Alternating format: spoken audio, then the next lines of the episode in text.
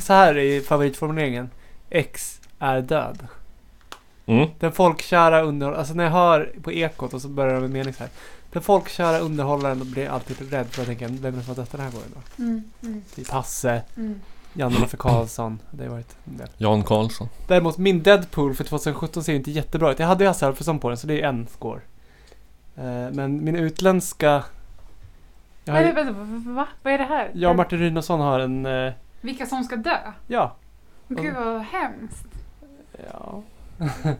jag, hade, jag hade ju... Jag har ju fan Queen Elizabeth på den så det är ju... Jag har till och med drott, drottning Silvia. Det är lite mer önsketänkande. Jag har eh, mm, gissat Hasse Alfredson ganska länge. Ja, jag hade med dem där nu i år. Men... Vem hade jag mer? Det är några som är lite taskigt skick alltså. Men är, det- är inte ni så här skrockfulla att, att om ni tänker så här, den här personen kommer nog dö, så gör den det på grund av att ni har tänkt så? Eh, nej, Så tänker jag. det finns ingen, i, in, inget universum jag kan tänka mig där det är en rimlig orsakskedja. Ja, för du är så Jag tror på tankens kraft. Ja. Nu du och Kai Pollak. If you can dream it, kill it. Det är mera liksom att man kanske blir... Att man får incitament att förbättra sina odds på sin dödslista så att säga. Ni Så att man kanske går runt och, kan gå runt och önska att riktigt vidriga människor ska dö. Bara. Nej, jag menar mer att man liksom faktiskt åker runt och slår ihjäl folk som står på en Deadpool för att vinna. Ja, just det. Fråga, bara sidospår. Det här, jät- Redan. det här är redan på ett sidospår. puffskyddet Ja. som eh, vi måste tacka Freddy för att hon har sytt till Mm. vår podcast, eller mer specifikt till Robert. Ja, tack Ser det det. ut som en mustasch och ett skägg i symbios över Ja, det mitt gör det faktiskt. Ja, Eller som att jag har ett jättestort kön i ansiktet. Eh, vad skulle jag för typ av kön? No offense Freddy, det är jättefint. Men nej, jag bara... det är alltså någon sorts päls. Stor päls i mitt ansikte. Jag hoppas att det är fuskpäls, eller? Nej? Ja, det, det, ja, det är det. Ja. det, är det. Vi vill inte stödja pervers djurindustri med våran podd. Bidra Bra, till en sämre Är värld. du lagd åt det hållet? Eh, jag har inte ätit kött eh, på fem år eller något. Tycker du också Men att mjölk päls är går mord? bra. Ja då. Eh, jag, Mjölk tycker är att, jag tycker att päls är fruktansvärt onödigt. Ja, verkligen. Det är ett väldigt mm, överflödigt lyxdödande. Att ha på sig päls, det är lite som att liksom aktivt göra motsatsen till att källsortera. Mm. Lägga saker på det minst åtråvärda stället. Mm. Fast om man, man ändå ska slå ihjäl djuret så kan man väl lika gärna använda alla delar? Det är som att spola ner en konservburk i toaletten. men vad, vad använder man mink till förutom pälsen? Är Äter sant, någon Det är, mink? det är inte så mycket minkkorv i handen. Nej. Däremot kor liksom. Vad menar du? Jo, man, då kan man använda skinnet ifall de Ja. ändå ska dö. Men det bästa vore ju om de slapp. Ja, om de slapp finnas överhuvudtaget. Mm, ja, kanske. Alltså jag menar att man inte skulle föda så många kor, föda Ja. fram så många kor. Man inte Ifall, ifall, ifall deras eh, liv innehåller mer lidande än lycka så säger Mm. utilitaristen. Mindre Jag blir påminn om det här gamla Seinfeld-skämtet om att hur kan mocka inte vara, vara vattensäkert? Gör korna när de går ut i hagen och det börjar regna och springer de till bonden? Så Ja. Han bara, "Ni- vadå har ni mocka på? Jag bara, vi är mocka. Det är sånt där skämt som förolämpar den som skämtar. Det visar hur lite han kan om mocka. ja, nej. Visste ni att Jerry Seinfeld har någon regel att han inte, att han inte mocka. jobbar med eh, så här vuxet, alltså han, han skämtar aldrig om sex eller droger eller sådär. Det känns ju som att han har Han en har sån så här regel. helylle. Mm. Nej, men Ska jag köra den här första grejen som Mm. vanligt eller? Det kan väl bli bra intro. Ja.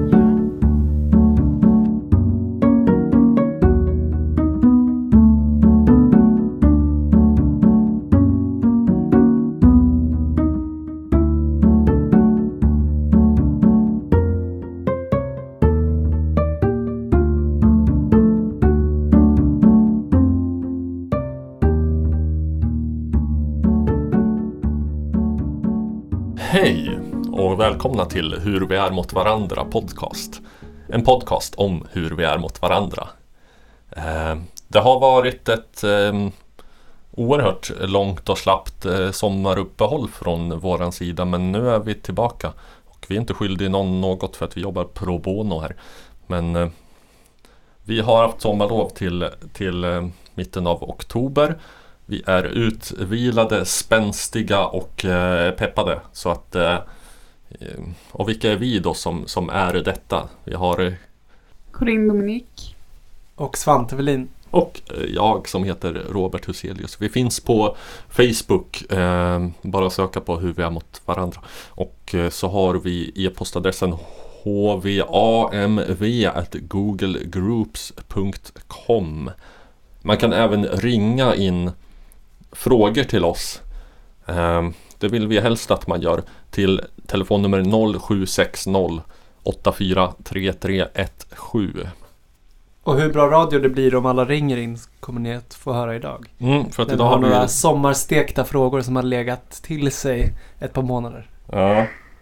Men jag tänkte att eh, innan vi går in på frågorna så hade jag tänkt att inleda lite finstämt och P1-mässigt med en liten vers. Gärna det. Mm. Bland hövdingar och potentater tåles inga olater.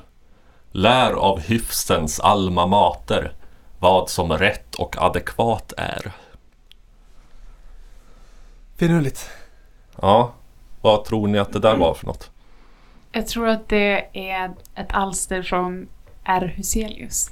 Ja, från Huseli penna kom detta julklappsrim som eh, stod på en, ett paket innehållandes en bok av eh, den nyligen frånfällde, eller vad vi pratar om hur man, hur man ska prata om döden här. Mm. Eh, Magdalena Ribbing. Kan man kalla henne för vår husgud? Eller Nemesis? Eller vad, vad, vad placerar hon sig på skalan? Skyddshelgon. Ja, Vår eh, stjärna i mörkret. Vår föregångare kanske. Ja. Hon eh, dog nyligen i en, någon sorts eh, fallolycka i hemmet. Helt eh, knall och fall sådär. Mm, hade hon något att göra med den här poddens tillblivelse? Kanske Svante är bäst på att svara på. Jag tänker att hennes skugga har ju på något sätt fallit över den här podden i alla fall. Hennes eh, ande lever i, i oss, eller? Ja, frågan är om vi har liksom... Har vi låtit oss inspireras eller har vi... Ja. Jag eller kanske att- vi agerar i polemik? För egen del så, så tror jag att hon är någon som efter sin död kommer att växa på en. Mm. Framförallt mig och kanske den här podcasten.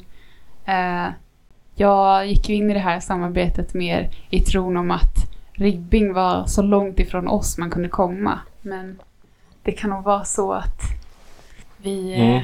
har en del att föra vidare som hon eh, kom med. Ja, vad ska man säga om fenomenet ribbing liksom? Det känns ju på, på, på ett sätt väldigt otidsenligt att en eh, parant Östermalmsdam från kanske Sveriges äldsta adelsätt blir liksom en, så, en sån big deal när hon svarar på etikettsfrågor.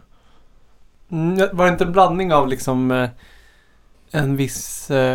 Alltså jag tror att många läste hennes spalter för det lite ironiska värdet. Eller lite så hatläste. För att, just för att premissen lät så upplagd för att man skulle ogilla det. Eller? Mm. Så var i alla fall min ingång. Ja, blev det kanske så som det nästan alltid blir när man börjar med att uppskatta något ironiskt att man förr eller senare kommer på sig själv med att tycka om det på allvar. Ja, det är ofta så. Mm. Och sen när någon dör också så är det väldigt vanligt att det kommer mycket positiva skildringar av personen i fråga. Jo, jo. Eh, så jag har ju fått se en hel del hyllningar sedan hennes bortgång. Mm. Jag kan inte minnas att jag har sett särskilt mycket negativt om henne under hennes livstid heller utan hon ju Tycker jag varit uppskattad i alla möjliga läger. Hon, Ja, blev, ju, hon ja. blev ju liksom poppis inom antirasistiska kretsar när hon svarar på någon fråga om hur man ska bemöta folk som säger, snackar liksom rasistiskt bullshit. Och, och då var hennes svar verkligen inte att man ska liksom vara artig och snäll och fin och eh, tillmötesgående och sopa under mattan utan Mm. du ska säga ifrån när någon snackar sån här dynga. Liksom. Mm. Men jag hade en väldigt endimensionell bild av henne eh, från början. När vi nämnde henne i första avsnittet. Eh, då hade jag bara sett henne som någon som eh, stöttar kungahuset och tycker om att prata om vilken ordning man ska lägga ut besticken. Mm. Ehm, Det är lätt att få det intrycket. Eller om man bara liksom utgår Ja. från premissen att hon är en Östermalmsdam som ger etikettips. Mm. Då är det där man hamnar. Men du har Precis. omvärderat eller? ehm, ja, jag har väl insett att man kanske inte kan beskriva en person utifrån att ha sett en grej de har gjort. Liksom. Mm. Nej men hur ska vi förklara det här att hon ble, blev ett sånt fenomen ändå liksom? Att det i alla fall i min värld väldigt många som känner till Magdalena Ribbing och eh, uppskattar henne och har någon sorts eh, någon form av förhållande till henne. Att, att, att, att liksom en, en liten tant från Östermalm som ger etikett och hyfsråd och eh, liksom undervisar om vad olika klädkoder betyder och sånt där. Att det blir ett sånt himla fenomen i vår tid? Är det fråga om medelklass liksom ängslighet eller är det så här att det uppstår ett sånt behov i en liksom normupplöst post 68 kultur där ingen längre har liksom koll på vilka regler, liksom oskrivna regler som gäller. Det behövs det en auktoritet som kan komma där och berätta det för en. Men i viss, i viss mån tycker jag att hon också väl, de, spalter jag läst av henne eh, uppfyller den där, den där eh, lite postmoderna eh, postsanningsstilen för att hon eh, Det var ju väldigt sällan som hon var jättehård i sina råd och direktiv. Liksom. Det var ju mer att hon diskuterade och ställde motfrågor och sådär. Lite grann som vi här på VAM Ja. jobbar. Var hon lite etikettens Fredrik Lindström? Anything goes. Precis, jag tror att hon, alltså det var väl missuppfattningen var väl att hon, hon till exempel vet jag att hon blev väldigt starkt förknippad med eh, shortsmotstånd, alltså kortbyxor. Mm. Korts som vi säger i Sörmland. Ja. Eh, hon skrev ju ett antal krönikor om hur anstötligt hon tyckte det var. Hon gillade inte, hon tyckte inte att man skulle behöva få kontakt med en annan människas hud när man rör sig i det offentliga rummet. Mhm, mhm. Ja. Hon menar att det finns risk för detta när människor bär, framförallt kvinnor, bär för korta shorts. Men Mm. okej, framförallt kvinnor. Och hon tyckte inte att eh, det var klädsamt för vuxna män att bära kortbyxor Ja. eh, annat än på stranden. Typ. Men får kvinnor ha motsvarande korta kjolar? Eh, det, nej, det gillar hon inte heller. Nej men ändå. Så ingen ska ha ovanför knät. Nej, jag tror det var Kläd. lite så. Men sen så efter hennes död så kom det i sedvanlig ordning någon slags take på det här som förklarade att det inte alls var så. Utan hon bara hade uttryckt hur hon tyckte. Mm. Och hon sa inte åt någon annan hur de skulle göra och så vidare. Mm. Okej. Men kjolmotsvarigheten till eh, korts eh, är ju då en ganska så här normalt lång kjol som kanske slutar strax ovanför knäna. Ja, Då skulle det vara lika, lika anstötligt i så fall. Ja, det vet jag inte. Men för att eh, besvara din fråga Robert så eh, har jag tänkt lite på sistone att en del av hennes storhet eh, kanske rörde sig om att hennes röst i det offentliga rummet blev som en sorts förlösande faktor för allt det som eh, i det typiskt svenniga kommunikationsklimatet aldrig får sägas. Mm. Till exempel, jag såg eh, av en person som, som skulle hylla henne då, eh, så eh, fick jag se ett inlägg om hur hon berättade att det inte är okej att fråga folk om de har barn, Mhm.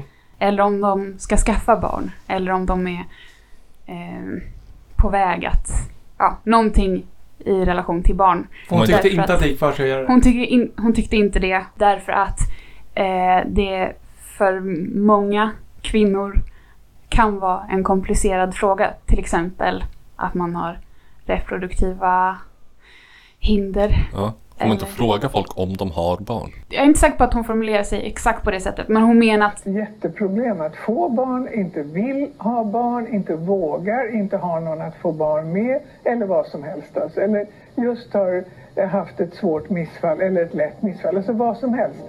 Fråga inte om barn. det kan vara känsligt för någon. Det är väldigt mycket som kan vara känsligt. Det är sant. För att citera, jag tror Fritiof Nilsson, Piraten. Eh, man, kan inte, man kan inte skriva om en, eh, om en, en, eh, vad heter det, en synål utan att någon enögd jävel tar åt sig. Absolut, det finns ju den aspekten också. Men det kan, det kan ha varit så att, att frågeställningen var varför har du inte barn till exempel? Någonting Nej. sånt. Men det handlade om barn i alla fall. Och, Eller har ni inte funderat på att skaffa? Ja. Till ett par? Men om, och att personen som då hyllade henne var tacksam för den gärningen därför att det var själv då en person som försökt väldigt länge och Mm. när man är den personen så kanske man får väldigt mycket sådana frågor. Och att Ja, är tacksam för att hon har uttryckt en åsikt som ligger i linje med ens egen säger ju i sig att det ses liksom som eh, någon, någon typ av stämpel när hon har sagt sitt. mm. ja då är hon en auktoritet verkligen. Ja.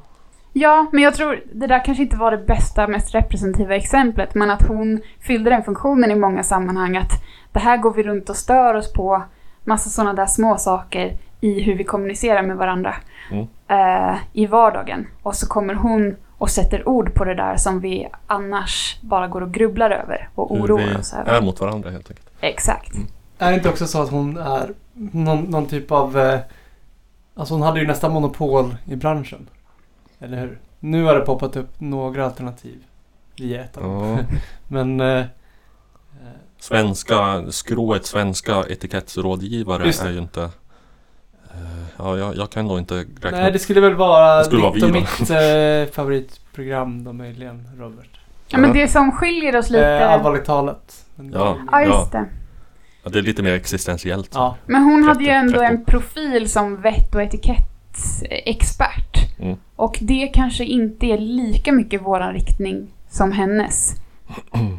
Eftersom vi Ja. ändå försöker ta in så här eh, relativitet aspekten. Och hon är mer så här, det här är rätt och det här är fel. Medan vi kanske avancerar det lite mer. Eller? Vi- Vi kanske... Eftersom att vi är tre stycken och spelar in en podd istället för en person som har en spalt så kanske vi ger uttryck för den diskussion och eh, dialog som kanske för sig gick i Ribbings huvud men som hon inte skrev ner. Så kan det vara. Så kan det vara. Man kan säga att vi är som Ribbing fast bättre. Vi är som det som för sig gick i Ribbings huvud. Det är kul att vi skulle prata om ribbing och sen så slutar det med att vi ger oss själva en komplimang. Ja, ja, och jag ska knyta ihop ribbingsäcken då, då ifall vi inte har något mer på henne genom att eh, citera ett mejl som hon skrev till mig för att jag, eh, jag blev så nöjd med det här julklappsrimmet så jag tänkte att eh, det vore kul att glädja henne med det också. Och eh, även Ribbing har ju då berömt mig för att hon svarade Så trevligt med dina vänliga ord om min etikettspalt för att sådana skrev jag också då. Och tack för ditt synnerligen fyndiga rim. Roligt att vara föremål för skaldekonst på den nivån. Wow! Mhm, mhm, mhm. Säger ni nu då? Ja, ingen dålig korrespondens. Så hon var alltså en bra brevskrivare också. Det är klart. Ja, men med detta sagt då, då så vila i frid Magdalena. Ehm, och ja, så går vi väl helt enkelt över på dagens första fråga som då är inringd av lyssnaren Diesel. Det vore ju det bästa sättet att hedra Ribbing. Att fortsätta hennes kamp. Ja, ja. RIP in peace. Kampen fortsätter. Etikettsfrågorna ska besvaras. Hej, hur vi är mot varandra. Eh, ja, jag skulle vilja ha hjälp då med en jobbig social situation. Eh, jag har ett hemskt morgonhumör och är vanligtvis en ganska extrovert person. Eh, men på morgonen när jag kommer till jobbet så vill jag bara sätta på mig mina lurar och gå med dem och inte behöva socialisera. Eh, jag har ett jobb som gör att jag inte behöver socialisera med andra än mina kollegor. Och här kommer problemet in för eh, jag har en kollega som är väldigt tjatig eh, och vill prata hela tiden oavsett om jag går med mina lurar på. Vanligtvis när jag gör det så brukar folk fatta vinkeln att okej, jag går med sina lurar på, då kanske inte vi behöver prata just nu. Hon ger sig bara inte. Jag fattar mig kort och eh, eh, försöker liksom visa på ett sätt som är eh, och be henne hålla käften att jag inte vill prata med henne. Eh, men det verkar inte gå. Så ja, hur ska jag hantera den här situationen? Och eh, hur, hur- ska jag hålla mig från att eh, låta mitt hemska morgonhumör gå ut över henne. Eh, ni kan kalla mig för Diesel. Hej Diesel. Ehm, det här är kanske ett vanligt dilemma att ha ett känslomässigt behov som kanske faller utanför ramarna för konventionell god etikett. Som poddens inkvoterade autist känner jag i viss mån igen mig då mitt liv är fullt av situationer där jag inte fungerar som det förväntas socialt i stort och smått. Skillnaden här är att Diesel inte alltid är som jag, det vill säga socialt obekväm och har ett behov av att skärma av sig med hörlurar och så vidare, utan bara på morgonen. Vilket kanske ger ett förvirrande intryck av att man aldrig riktigt vet var man har honom. Ni får bryta in ifall ni har något att säga när som helst alltså. Ibland kan man eh, vantrivas lite i vi- vissa sociala situationer. Men ändå inte värre än att man står ut och kan spela lite teater för det gemensamma bästa. Men ibland måste man sätta sig själv i främsta rummet eftersom ens mentala hälsa står på spel. Och i ytterligare andra fall kräver ens omsorg om gemenskapen att man bryter mot vissa artighetsnormer eftersom alternativet är att ens humörbägare till sist rinner över om man ställer till med en scen som kanske allvarligt skadar relationen. Det svåra är att veta vilken sorts situation detta är och det kan bara du själv avgöra, Diesel. Du har råkat ut för en jobbig pratkvarn som inte fattar vinkar men hon menar antagligen bara väl. Så frågan är Står du ut med att uppoffra dig och spela lite teater varje morgon utan att bli otrevlig eller må psykiskt dåligt? Om du gör det uppstår en till fråga. Hur viktigt är det för denna kvinna att få fortsätta kallprata med dig på morgonen? Det vill säga, är detta behov hos henne större än ditt behov av att få vara i fred? Det kan man förstås inte veta med någon säkerhet, men man kan antagligen se ifall hon ligger närmast okynnespratare eller social desperado. Om hon ligger närmast det förstnämnda betjänas kanske den samlade nettolyckan bäst av att du sätter ner foten. Det vill säga att du kan säga ifrån utan att det får särskilt allvarliga sociala konsekvenser. Om du, Diesel, däremot vet med dig att du på ett eller annat sätt inte kommer att stå ut med situationen i längden, det vill säga åtminstone så länge som du tänker dig att du blir kvar på arbetsplatsen, finns ju bara ett alternativ. Du måste få henne att inse att du behöver lämnas i fred. Om inte annat för att du ska slippa uppfattas som en oförutsägbar och lynnig person, vilket jag antar att en annars social och extrovert människa inte vill. Min erfarenhet är att om man inte klarar av att spela teater för att framstå som normalt trevlig i alla sammanhang så är det bättre i längden att lägga korten på bordet och förklara hur man fungerar. Dels för att folk ska kunna ta hänsyn till ens egenheter, dels för att de ska slippa tro att man har något emot dem personligen. Jag är också själv en person som har svårt att uppfatta och tolka sociala vinkar, vilket flera gånger har lett till att folk, i mitt tycke, som en blixt från klar himmel har blivit arga på mig. Jag hade föredragit då om de istället hade sagt rakt ut vad problemet var, innan det hann gå så långt att deras bägare rann över. Man ska aldrig förvänta sig att alla kan förstå lika mycket. Men om det nu är nödvändigt för dig, Diesel, att försöka ändra situationen så att den jobbiga kollegan slutar störa dig på morgonen. Hur ska du gå tillväga då? Och det är där jag tänkte plocka in era spontana tankar. Ja, Corinna och Svante. Mm. Som poddens inkvoterade konflikträddas vänner så har jag naturligtvis tänkt på hur man kan föra in det faktum, hur Diesel kan föra in det faktum att han ogärna blir störd på morgonen i kollegan, pratkvarnens medvetande utan en direkt konfrontation som måste undvikas till varje pris. Om jag var Diesel skulle jag Kanske. Jag kommer, jag kommer att ta tillbaka det här snart. Men min första tanke var då Mm. så här. Jag gillar hur du lägger upp det. Att på, på lunchen eller vid något annat tillfälle där man sitter och samtalar i grupp ta upp eh, diskussionen eh, hur, hur, hur, hur har ni det på morgonen? Ja. Och nämna liksom lite avslappnat sammanhang utan att det är direkt tillspetsat eller riktat till någon särskild. Men medan pratkvarnen lyssnar. Eh, att man, eh, att, att Di- Diesel då nämner att han eh, inte vill prata med någon, känner sig trött, är på dåligt humör ja. och så vidare. Och hoppas att det här ska liksom lura sig in i kollegans medvetna. Fast med tanke på det han, å andra sidan med tanke på det han, han berättar att, eh, eller det du Diesel berättar. Vi vänder oss till dig, Ja, just det. Diesel. Eh, att, att du har skickat vissa typer av subtila eh, sociala signaler. Just Genom det, att som ha på dig hörlurar. Att svara ganska kort. eh, Då min erfarenhet är då att personer som inte förstår den typen av signaler skulle säkert inte heller ta till sig av en sån där Mm. kommentar på lunchen. Där, där du Diesel berättar att eh, du... Ja, jag, jag avskyr att prata med, med människor på morgonen. Mm. Så därför kanske det är den direkta konfrontationen som återstår. Och den ska då inte ske med andra människor närvarande för då, Nej, naturligtvis. då, då, då, då gör man ett riktigt, eh, riktigt generalfel i Ribbings bok och i min. Det vill säga att man gör bort personen inför andra. Mm. Och det behöver, det behöver absolut inte finnas någonting otrevligt eller konfrontativt i den så kallade konfrontationen. Utan det kan ju, Ja, det- ses, det kan ju sägas väldigt vänligt och med ett leende. Det du behöver säga. Det vill säga, Mm. jag orkar inte prata på morgnarna. Kan vi prata igen om en timme? Vad säger Corinne? Det ser ut som att du har någonting på tungan. Ja, jag är väl inne på samma spår som er båda.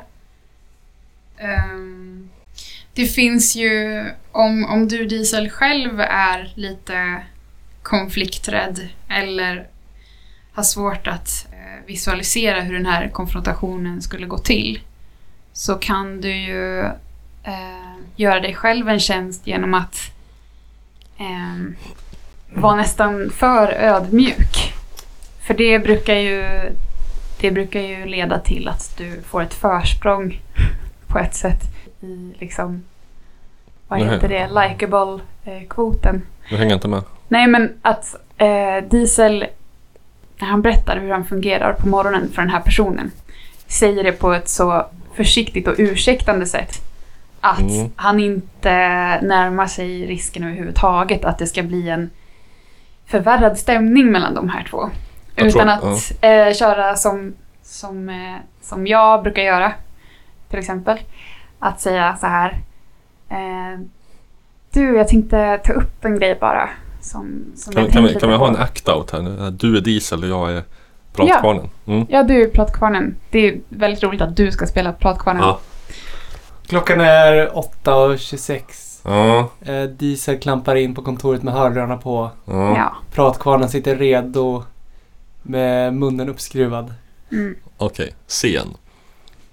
Hej Diesel, bla bla bla bla bla. Igår åt jag köttsoppa. Oj oj oj vad gott det var. Och jag klippte gräset också. Det är fruktansvärt vilket väder vi har haft. Bla bla bla bla bla bla. bla. Jag tänker mig att den här pratkvarnen då, nu kliver jag ur karaktär här. Den här pratkvarnen ändå vill ha ett samtal. Jaha. Det det är bryter inte- Okej, vägen. så att det inte bara så Jag tror monolog. inte att det är en shitstorm liksom av bara snack och att Diesel förväntas hålla Okej. tyst. Utan jag tror Du att tror det här är en person som vill vara social. Ja, och ja. då, när det uppstår en lucka, så kan Diesel säga Men då, då, då, då, vänta, då tar vi om det då. Mm. Hej Diesel, Okej. hur är läget? Varför skrattar du Diesel? Okej, vi- alltså nu släpper vi det här. Vi behöver inte alls Okej. iscensätta det här samtalet. Jo! Okej, men Diesel säger så här. Ja, Jag tycker att det är väldigt smickrande att du vill prata med mig. Och Mm. eh, jag är glad att du, att du har saker du vill berätta. Men just så här på morgonen så är inte jag mottaglig. Det tar ganska lång tid för mig att ställa om till den sortens kommunikation. Och när jag kommer hit vid den här tiden så vill jag helst bara vara för mig själv och eh, få landa. okej. Eh, jag fattar men- vinkeln. Mm. Kanske hon säger då. Kanske det. Eller så tycker hon att det är otrevligt. Men det jag Ja. menar är helt enkelt att genom att inte bara säga jag har inte lust att prata just nu. Mm. Eller jag vill inte prata på morgonen. Så kan man skaffa sig ett försprång genom att säga jag är glad att du vill prata med mig. Att man Mm. ändå försöker eh, visa den andra personen att jag förstår att du inte har en dålig intention med det här. Men hon kanske säger så här. Okej, jag fattar vinkeln. På ett passivt hon- ag- aggressivt ja, sätt. aggressivt. Ja. Det är ändå upp till henne. Men tricket är lite grann att rikta sökarljuset mot sig själv också. Att, kanske att- att spotta lite på sig själv. Och säga det här är jättedumt men eh, jag, jag funkar så här och tyvärr är det så att jag, jag klarar inte riktigt av det här. Och det är Mm. lite, lite, lite knäppt men så är det med mig ungefär. Då, gör man, då ger man ju den annan utväg liksom.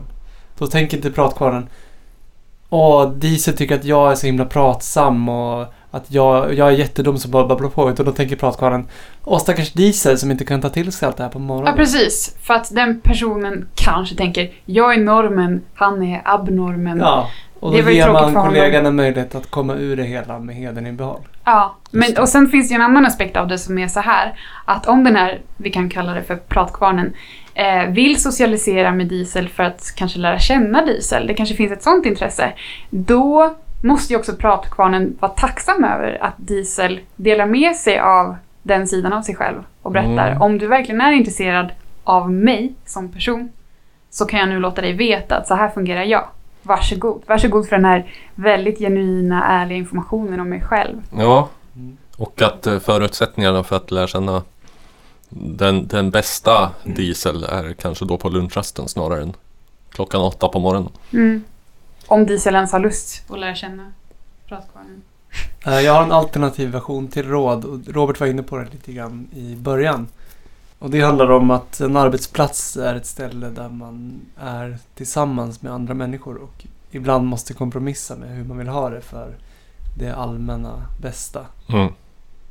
Så det här, som vanligt så vet vi inte exakt hur mycket psykiskt lidande det, det ger dig diesel men om du kan stå ut med det är ju ett alternativ också att eh, godta det här och liksom inför dig själv eh, acceptera att det kanske kommer vara lite, kännas lite knöligt ibland. Mm. Men eh, vissa uppoffringar får man göra för att alla ska må bra och vara ett kollektiv på jobbet. Ja, det är väldigt mycket ge och ta. De andra måste ju också, ifall det är så att någon verkligen har behov som avviker från normen så att säga så blir ju det allra bästa arbetsplatsen ifall alla andra känner till det och tar hänsyn till det. Men det är svårt att veta var gränsen ska gå, hur mycket den ena ska behöva ta och den andra. Var, var ligger ansvaret i varje enskild situation liksom? Och så fanns det ju en eh, liten varning från Diesel om att, eh, som du formulerade Robert, bägaren kan rinna över. Mm. Han sa ju någonting om ett fruktansvärt humör. Mm. Ja, att han Det- ville liksom råda bot på den situationen utan att eh, behöva bli arg på personen i fråga. Liksom. Mm. Alltså det här med vems ansvar kan man ju utforska lite, lite längre. Alltså vem som ska ta vilket ansvar. Därför att om det nu är så att pratkvarnen faktiskt inte inser att Diesel markerar och visar på att vara liksom avståndstagande. Är det då Diesels ansvar att förtydliga ännu mer? Eller ska man ställa sig på Diesels sida och tycka att den där pratkvarnen får faktiskt fatta det här. Jag måste inte, Mm jag måste inte vara pedagogisk. Eh, Fast, ja, fast nu är det ju Diesel som så att säga har problemet och eh, det är honom vi råder. Det men är inte det lite tolkningsfråga eftersom det kan ju också vara så att den här personen är översocial. Alltså det är också en fråga om liksom eh, en Eller definitionsfråga. är Diesel Vem är rimligt social? Vad sa du? Eller är Diesel undersocial? Ja, Det får vi väl utgå från att han inte eftersom han själv säger det. Ja. Fast just på morgnarna så verkar ju... Ja, ja. Ja.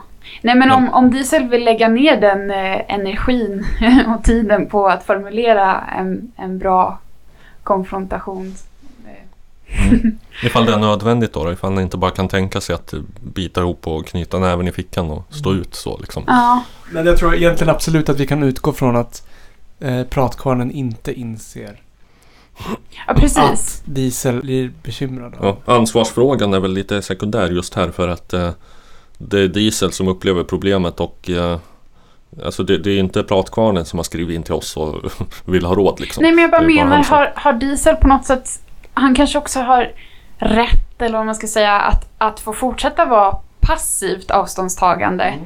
Det är ju min linje. Alltså en, en, en rätt att få slippa vara pedagogisk mot den här personen som stör honom. Jo men vad leder det till för resultat? Det fortsätter vara Exakt, som men bra jag, så. det jag menar är att, att eh, han kanske inte har, har eh, provat alla de eh, livlinorna Eh, Han- han där, kanske- där han, han får kanske stanna inte- kvar i sin passiva Mm. trygghet. Han kanske inte har setat med, med hörlurar tillräckligt tydligt. Eller suttit, ofta. suttit och broderat på någon slags eh, tale, silver, tiga, guld, eh, väggprydnad. Eller det kanske finns ett annat sätt som kan bli tydligare än de metoder, de passiva metoder han har provat hittills. Eh, till exempel skulle Diesel känna sig mer bekväm med att sätta upp eh, en lapp där han har skrivit ner hur han fungerar. Som visar så här, hej, jag behöver vara själv på Som morgonen. inom citattecken MBH. riktar sig till alla kollegor. MVH, VMV, diesel. Och, eh, och för att det kanske skulle vara en lättare form av konfrontation som inte krävde lika mycket av diesel. Det är ju någonting som diesel Det lät lite som en ambulerande arbetsplats. Utan att hänga ut våra eh, frågeställare så tyckte jag att det lät som att Diesel klampade runt på sin arbetsplats en del. Mhm. Så då skulle han kanske behöva ha en t-shirt En lapp på ryggen. ja, exakt. Mm. Eller ja, någon sorts eh, rockmärke som han, där det står eh, Stör ej, dåligt morgonhumör. Sen tar han Mm. av sig den när han känner att det, nu är det lugnt. Mm. För att visa min solidaritet med Kataloniens självständighetsrörelse så kommer jag inte yttra ett ord mellan klockan 8 och 11 på förmiddagarna. eh, och jag bjuder in dig, kära kollega, att delta i denna protest. Varför man nu skulle Precis som vilja... Kataloniens folk saknar röst så kommer jag sakna röst. Varför man nu skulle vilja solidarisera sig med det. Men i alla fall, det Mm. är kanske inte något vi ska gå Det är en in annan på. podd. Ja. Nej men det går ju att sammanfatta på ett väldigt icke-energikrävande sätt vad som behöver förändras. Typ, jag förstår att din tanke är god men det är inte min upplevelse. Eller någonting sånt. Alltså, eh, att formulera sig kort i skrift eh, går ju också. Om det skulle vara en eh, mer bekväm metod för diesel. På sedvanligt vem-manér så haglar ju råden och motsäger bland varandra. Mm. Här här har du till Diesel. Eh, börja ta för vana att bjuda din kollega, och det här är hyfsat allvarligt menat.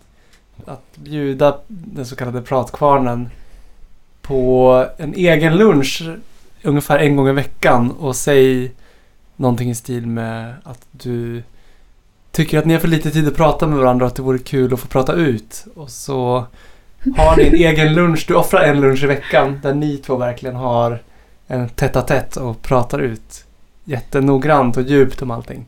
Då kanske pratkvarnens pratbehov stillas. Ja. Eller så blir den, känner den sig manad att Ja, babbla ännu mer. Jag tror inte på det här rådet riktigt. Eller så är Jag det tänker så... att det finns liksom ett visst ett antal, ett, ett bestämt antal ord som måste komma ut per vecka. Och då kan du Ja, jag försöka liksom pytsa ut dem på en lunch. Det finns en eh, eh, mindre ekonomiskt krävande eh, kan äta lösning matlåda ihop. som är eh, typ en muffin per konfrontation. Det sägs ju att mat tystar mun, så tryck in en muffin i käften. Fysiskt.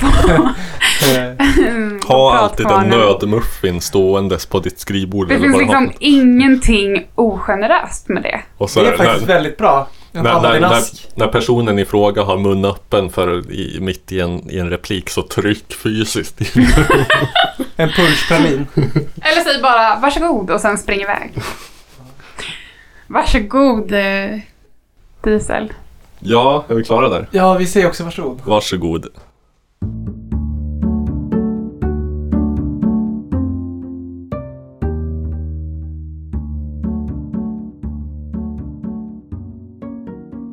Nu ska vi gå över till fråga två. Som är ställd av Ferdinand. Stämmer. Hej. Eh, jag undrar hur många personer man kan dejta samtidigt. Och med dejta menar jag att man har varit på tre dejter kanske. Eh, tack för mig. Eh, ni kan kalla mig för Ferdinand. Tack för dig. Ferdinand, vi uppskattar den nya trenden att eh, specificera vad vi kan kalla dig i slutet. Liksom eh, vår tidigare inringare. Diesel. Diesel, ja precis. Eh, Okej Ferdinand. Är du envis som tjuren? Precis. Är det gondoljärer och karabinjärer och sånt som du vill dejta? Eh, vi, vi får förutsätta att du inte är ute efter en, en siffra. Vi kan nog inte ge någon, något kvantitativt svar utan vi jobbar mer med kvalitativa svar här i BAM. Mm. Mm. Okej, hur många kan man dejta? Eh, jag, jag funderar lite grann på För det första, vad är en dejt egentligen? Det har jag alltid undrat. Det har liksom funnits någon typ av datekultur som vi har fått till oss från amerikansk film och så vidare. Där det är väldigt tydligt ritualiserat. Eh, med första dejten, andra dejten, olika first base och second base och så. Mm. Men i USA så är det väl också formaliserat så att man gör vissa saker på en dejt, eller? Mm, just det. Mm, second date, dinner and a movie. Okej. Första kanske man går tar en milkshake och bowling eller någonting. Eller åker eh, ice skates. Rull, eh, Ev- eventuellt som Skridskor. bil, eh, bi- biograf där man sitter kvar i sin bil. just det. Också ett alternativ. Som ni hör så är vi experter på amerikansk datekultur. Eh, I Sverige har väl det, det närmaste jag kan tänka mig är väl en fika, eller? Och kanske då en öl. Jag fika första dejten. Ja, Ingen aning. jag vet inte. Jag vet inte om jag har varit, jo jag har nog varit på, jag tror två saker som man skulle kunna kalla för dejt. Men det spelar ju liksom egentligen ingen roll vad vi tycker är en dejt. Det jag funderar på är Ferdinand. Ja. Jo Hur men vi han måste väl tänker ändå när han veta. säger att han har varit på ungefär tre dejter Ja. med de här personerna. Vad räknar han som en dejt? Jo vi måste ändå veta, vi måste ju slå fast vad en dejt är. Mm, jag tror vi får nog eh, försöka acceptera att det är ett väldigt brett eh, spektra. Mm. Spektrum. Eh, spektrum, Förlåt. Mm. tack. Ehm, vad, vad det innebär att dejta idag. Det har att göra med liksom samhällsklass, eh, kulturellt kapital. Ja, och i viss mån teknologisk utveckling. För jag tänker Ja. att eh, någon typ av amerikansk datekultur, alltså det handlar ju också om, tror jag, att i USA, som min bild är via film i alla fall, så kanske man eh, frågade ut någon på en träff. Eh, Mm. Och det har vi inte riktigt gjort i Sverige. Alltså det, det, är- det, jag tror att man sällan i Sverige har varit i den där typen av situation. Att nu ska jag äta middag. Eh, eller ta en öl eller en fika med någon som jag absolut inte känner. Alltså det, det som förut kallades för blindträff eller blinddejt. Mm. Mhm. Eh, Och att det har inte varit en grej i Sverige. inte lika mycket min bild, men nu tror Nu jag ju så. via appar har det väl Ja. smugits in lite mer. När det har blivit he- helt socialt normaliserat att eh, att eh, använda sig av kontaktannonser eller den nutida motsvarigheten Tinder med mera. Mm. Mm. Men då är det ju inte blindträff. Utan då får man ju se personen. Så det kanske Ja, inte klassas jag- som... Skulle kanske ändå kalla det för en social blindträff. Man vet inte hur personen är. Man har inte träffat den förut. Utan Nej. Man, det har, man det, det träffas för första gången under, under något sån här uppstyrda former för att i syfte att se om det, det kan bli något romantiskt liksom. Så all form av internetdating inleds som en blindträff. Det skulle nog jag säga i någon mån. Okej. Och det har blivit normaliserat till den grad att eh, till och med Svenska kyrkan har hittat tillbaka till sitt gamla, gamla goda polygama ortodoxi. Via Mm. tv-serier som Tro på kärlek. Där eh, Mm. präster träffar flera personer. Riktigt så här gammaltestamentligt med liksom Ja, det är ju 14 arrangerade äktenskap men vad, polygamt vet jag inte. Eh, nej men jag tänker mer på att de dejtar flera personer samtidigt. Du tänker på Ja. gift vid första ögonkastet. Tror ja, jag kärlek Okej, så ja, okej. Ja, ja. är det annorlunda. Då får en person prova att dejta lite olika. Okej. Samtidigt. Ja, Ja. samtidigt. Eh, lite mormonskt liksom.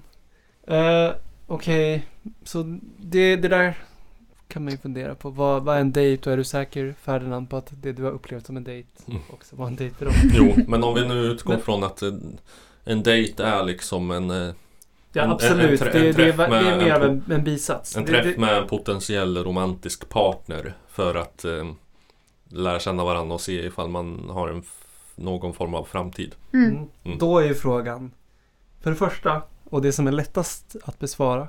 Eh, vad är syftet med dejten och dessa olika personer som du dejtar Ferdinand? För dig, för din del. Eh, dejtar du någon för att du vill undersöka om du kan inleda en relation med den här personen? Eh, det kan ju, jag tror för de allra flesta tas som en självklarhet, men det behöver absolut inte vara så. Nej, många är väl bara ute efter ett engångsligg liksom. Fast då träffas man kanske inte tre gånger. Eller inte ens det, utan bara uppmärksamheten och spänningen i att lära känna en ny människa under den formen och kanske ha någon typ av gnista eller inte.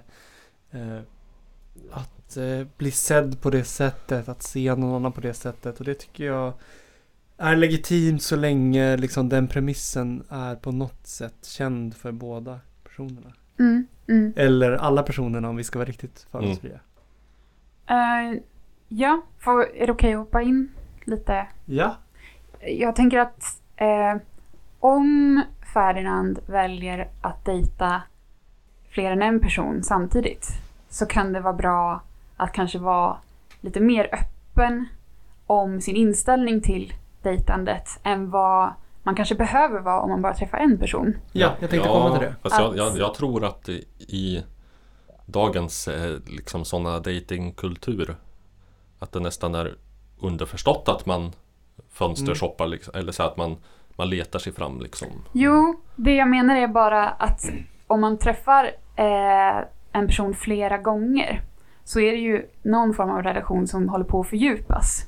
Och då kan det vara bra Mm. att eh, om det här är samtidigt som man träffar andra samtidigt, ja, då, Mm. då kan det vara bra att vara tydlig med vardera. Att, att det pågår vid sidan om. Vi, kan, vi kan väl också vara tydliga med att eh, vi kanske inte bokstavligen ska dejta flera samtidigt för då blir springer dörrarna fars och eh, det kanske är kul på bio men det kan aldrig sluta väl i Ja, Inte verkligheten. exakt samtidigt, Nej, utan under samma period. Nej, Mrs Doubtfire-situationen kan uppstå. Den Eh, bör undvikas. Okej, men s- det, det, de här, syftet med de här frågorna som jag skickar vidare till Ferdinand är ju såklart att de ska leda fram till ett svar på frågan hur många är för många att dejta. Så liksom vad är syftet med dejterna? Är syftet för dig ja, men sådana här saker som vi har räknat upp nu?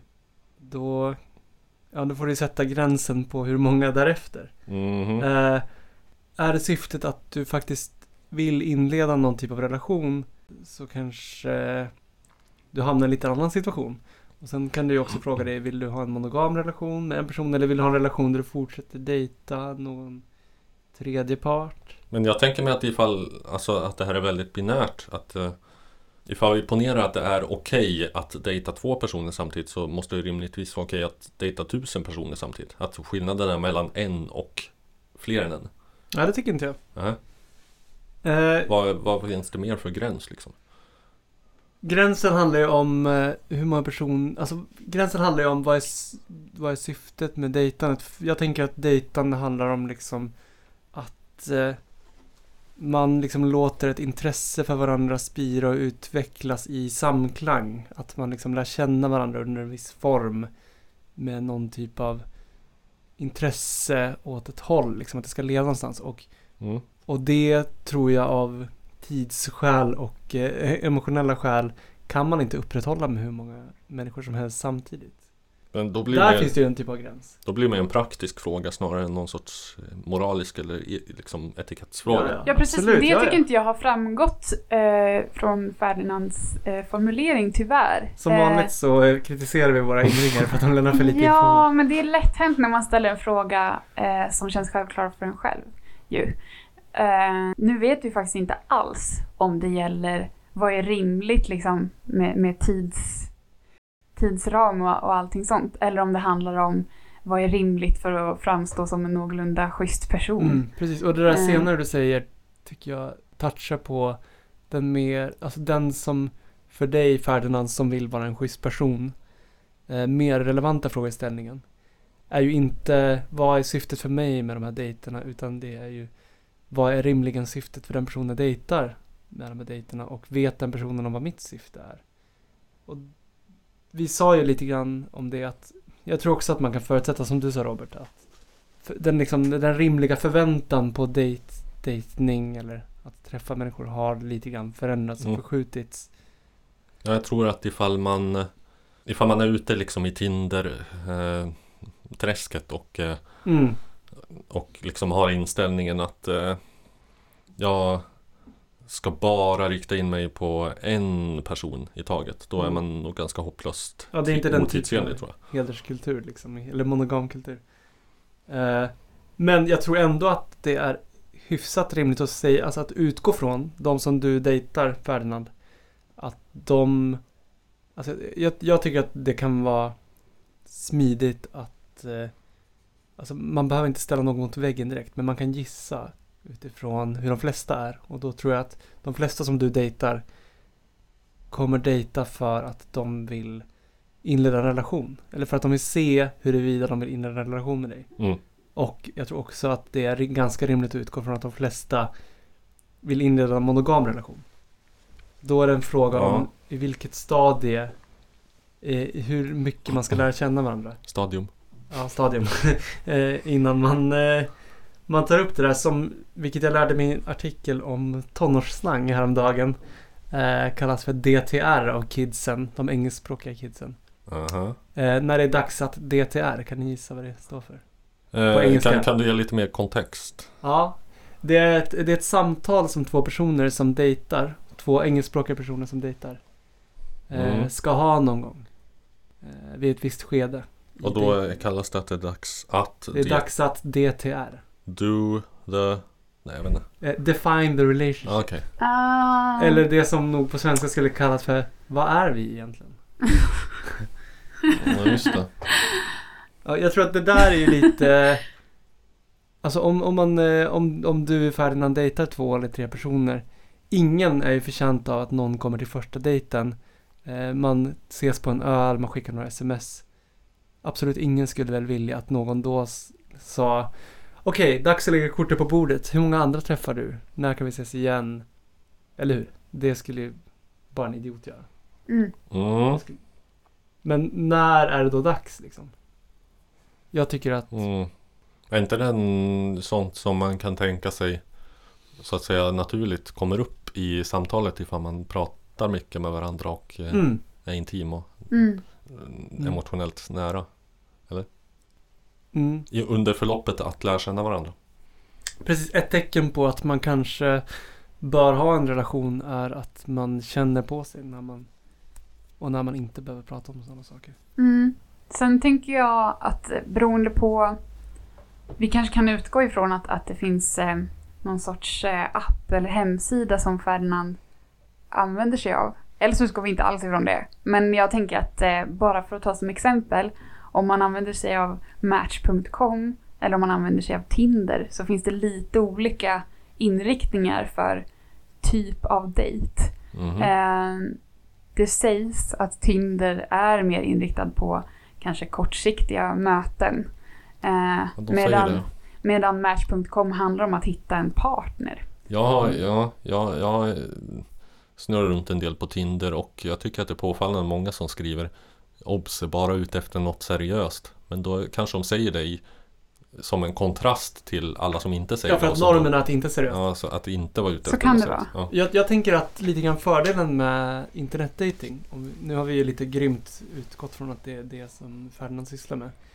Men- Det är väl det folk sysslar med när, idag. När man är liksom någon sån här ung som Ferdinand lät som att han var då. Eh, och, eh, Ja. och säger att man dejtar. Så får vi nog utgå från att det, internet är Så en, inblandat. för, en Mm. fördel med det är ju att man eh, kan faktiskt, om vi återgår till den där frågan som jag skickade till Ferdinand om vad egentligen hans syfte är. Vilket är fördelen, eh, alltså förutsättningen för att få veta vad den andra partens syfte är.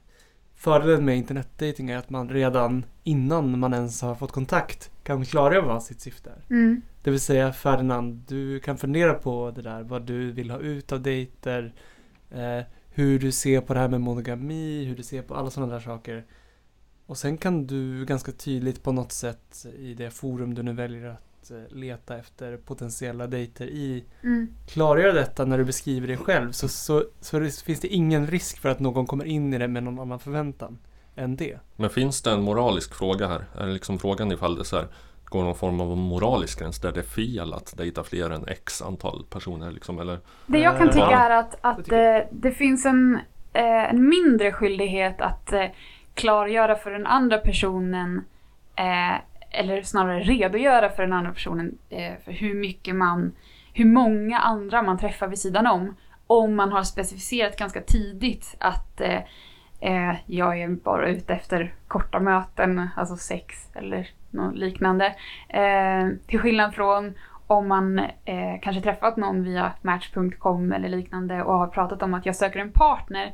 Där finns det Mm. kanske större skyldighet att säga så här, jag träffar faktiskt tre, fyra Mm. andra just nu samtidigt. Mm. Men om man bara träffar någon för en en kort flört liksom, Eh, och, och det är uttalat mellan de två som ses. Det berömda, så ser... det berömda knapplösa knullet. Jag vet inte vad ett Mm. knull med knappar är så jag har aldrig förstått det Nej, jag har aldrig hört det. Nej. Rädd att flyga. Susanne Brugger? Nej? Ja. Ah, Okej. Ja, Ja, jag menar bara att där, där så Ja. finns det en... Eh, jag ser inte samma funktion med att säga ja bara så du vet.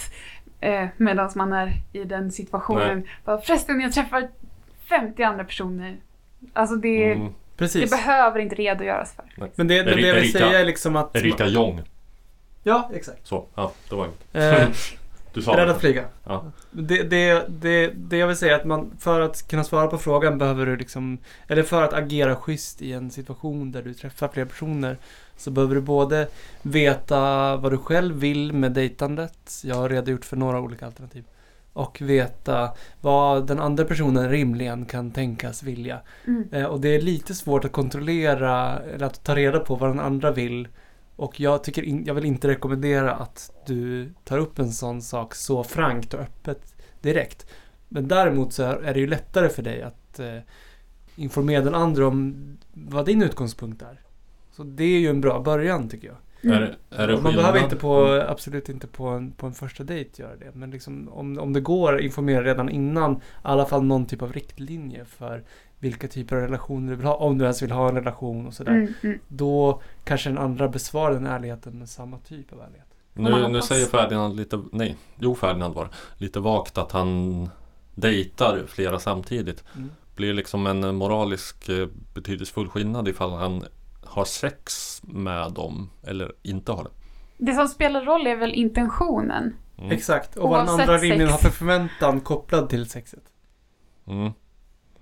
Mm. Vad, ja vad, gud, vad vi ska inte hålla på och tänka sig. shamea huruvida någon har sex eller inte. Nej, men vad Ferdinand rimligen Ja. utifrån det han känner Det så av tröttsamt, den det är, personen. det är så tröttsamt i det här samhället att eh, killar som har sex med många blir stämplade som slampor medan Exakt. kvinnor är liksom kingar och hjältar. Ja, så jävla typiskt. trött på det. Nej men jag tänker att det, det som är viktigt är väl vad Ferdinand kan gissa sig till. Att den personen han gör vad som helst med. Vad det får för betydelse för den personen. Och det är ju ett av syftena tycker jag med att dejta den. Att ta reda på. Eh, så jag tycker inte att det går att dra någon tydlig gräns vid att ha sex med den eller att göra vad som helst egentligen. Att göra X med den personen. Utan utgångspunkten måste vara vad sänder det här för signal till den personen utifrån vad jag vet om den. Och vad gör det i så fall mig skyldig, moraliskt förpliktigad att säga. Jag tycker vi är lite vaga här men alltså Ja. Går det Okej, här siffran samma- är tre, Ferdinand. Okej, tre. Eller vad är det du är ute efter? Ja men går det att ge någon sorts svar? Nu är frågan hur många? Eh, det kan vi Mm. uppenbarligen inte ge ett kvantitativt svar på på något seriöst sätt men Ja men om du, Ja. har, om du har en intention att, att, att eh, hitta en partner och du varit eh, noggrann med att förmedla det så har du också en större skyldighet att berätta Mm. om vilka andra du träffar eller hur många de är. Mm. Än vad du har om du varit öppen med att du inte är ute efter en partner. Men ska vi säga liksom att dagens eh, datingklimat är sånt att eh, det är liksom helt eh, accepterat att dejta flera samtidigt? Oavsett om man bara vill ligga runt eller man... Det tror jag nog man får lite grann utgå från. Att Mhm. Det är nog få som skulle bli alldeles chockerade.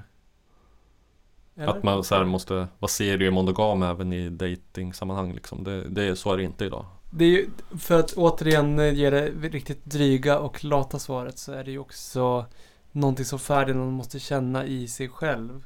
Att eh, eh, hur mycket uppmärksamhet och emotionell energi har jag att skänka någon person. Han kanske fungerar, du Ferdinand kanske fungerar så att du vet med dig att eh, du egentligen bara är människa nog att rikta dig in dig på en person i taget. Så då är det ju inte riktigt schysst att Och då, försöka hålla två bollar i luften samtidigt. Ja, Eller så är du, då är du överflödar av, eh, av kärlek och eh, Ja. eh, positiv energi så du kan eh, gott och väl få tre personer att känna sig adekvat uppskattade och vara intresserad och ha Mm. tid och tankar Mm. Så att svaret är liksom att gränsen ställs av eh, dels praktiska hänsyn, hur mycket klarar Ferdinand av liksom i taget och eh, dels eh, ansvar inför de här dejtpersonernas känslor. Mm. Mm. Ehm, alltså hur, hur många klarar jag av att träffa samtidigt och, så, och eh, ändå så här, ge dem den uppmärksamhet de förtjänar, typ. Eller? Ja, och Precis. tillämpa transparens Ja, gällande liksom intention med dejtandet. Mm. Inte just det. transparens gällande kvantitet. nej, alltså ju mer öppen man är med eh, hur man ser på filosofin kring dejtande och hur man själv fungerar, desto mindre kan man känna sig moraliskt förpliktigad att säga eh, exakta detaljer om hur många och vad och sådär. Så att eh, korten på bordet från början. Eh, Ja, för då slipper man ha några jobbiga samtal, för Ja. då har man redan klargjort premisserna för det hela. dejta så många som du, oj, som du tycker att du kan praktiskt och eh, mm, ja, känslomässigt och sådär med hänsyn för, till deras känslor. Och ehm, ja, gå, inte, gå inte på det här om att eh, den här gamla, gamla fattiga normen om att eh, killar inte får knulla runt hur mycket de vill, det får de. Mm, Mm. precis. Eh, avslutningsvis skulle jag bara vilja dra den här frågan ett snäpp längre. Mm. eh, som, som om det är möjligt, vilket jag hoppas. Ehm, eftersom vi i det här lilla miniatyrsamhället som är oss tre eh, har en egen norm som vi skapar. Har vi? Ja, det blir så automatiskt. I och med att i, de här, i den här podden som är liksom är sin egen värld. Så, Den lilla så, filterbubbla, eller Ja. bubbla. så, så kan vi Vår skapa, vi kan sätta liksom vår egen markör för vad som ska vara normativt. Det är ju så att, att Ferdinand eh, har ställt en fråga om hur många man, det vill säga generella personen, Mm. eh, kan dejta. Och då skulle vi kunna bara, om vi känner för att dela med oss av det, hur många kan man, det vill säga vi, Mm. som symbios, dejta Ja, samtidigt? kommer vi fram till en sorts kollektivt resultat? Medianen för mig är ju Ja, ja. en. Okej. Vad lägger du i att dejta då?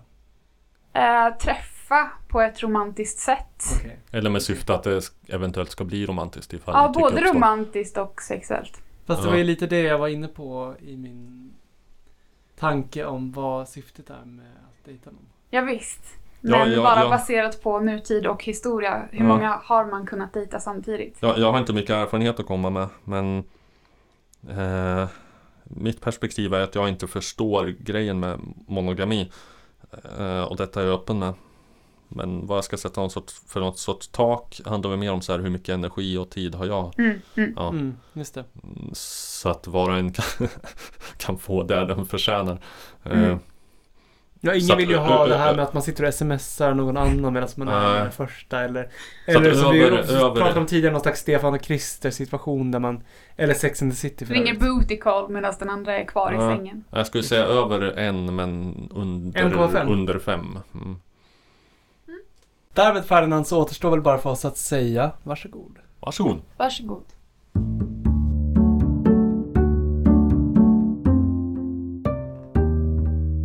Det för oss in på vår tredje fråga för avsnittet och därmed den sista. Som ni vet så är alla goda ting tre. Eh, Nu har vi fått in, fått in en riktigt smarrig munsbit av eh, frågeställaren Lasse som har ett restaurangrelaterat problem vill jag minnas. Låt oss lyssna. Ja, tjena. Jag undrar hur man ska svara när man sitter på en restaurang och eh, maten inte smakar speciellt god servitören kommer fram och frågar smakade allt gott? Det var inte fel på maten, men det var inte jättegott. Vad säger jag då? Eh, det var det, undrar Lasse. Tackar.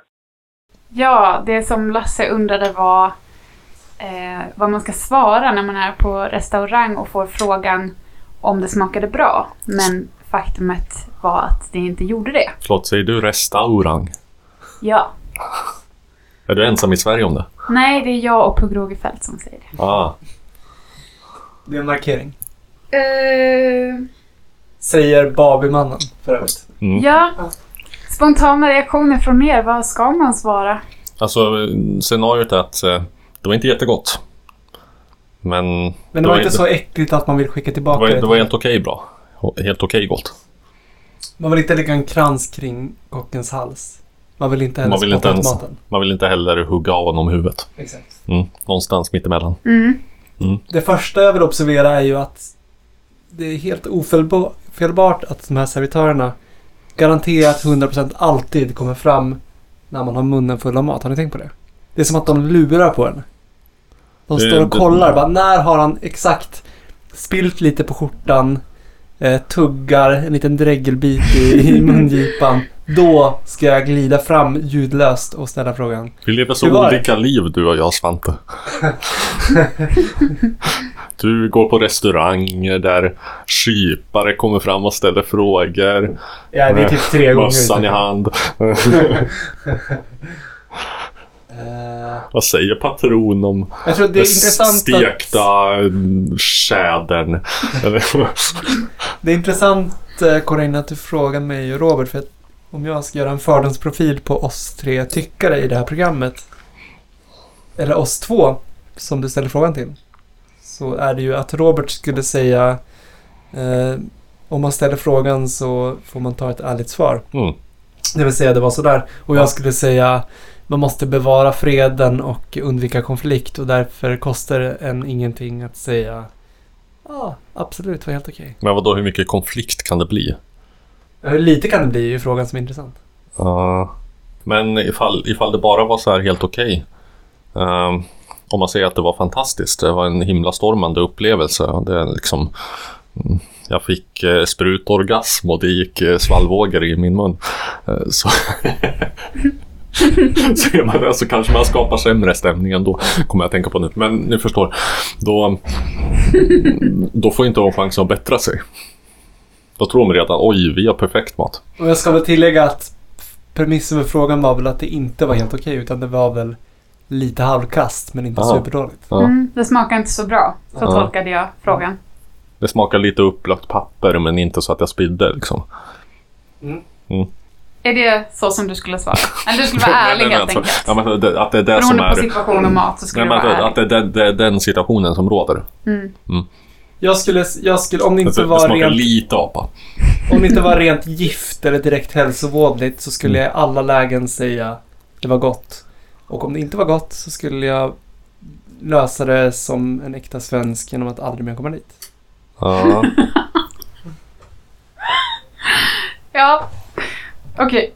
Jag har en teori om den här sortens eh, dans mellan servitör slash servitris och eh, besökare.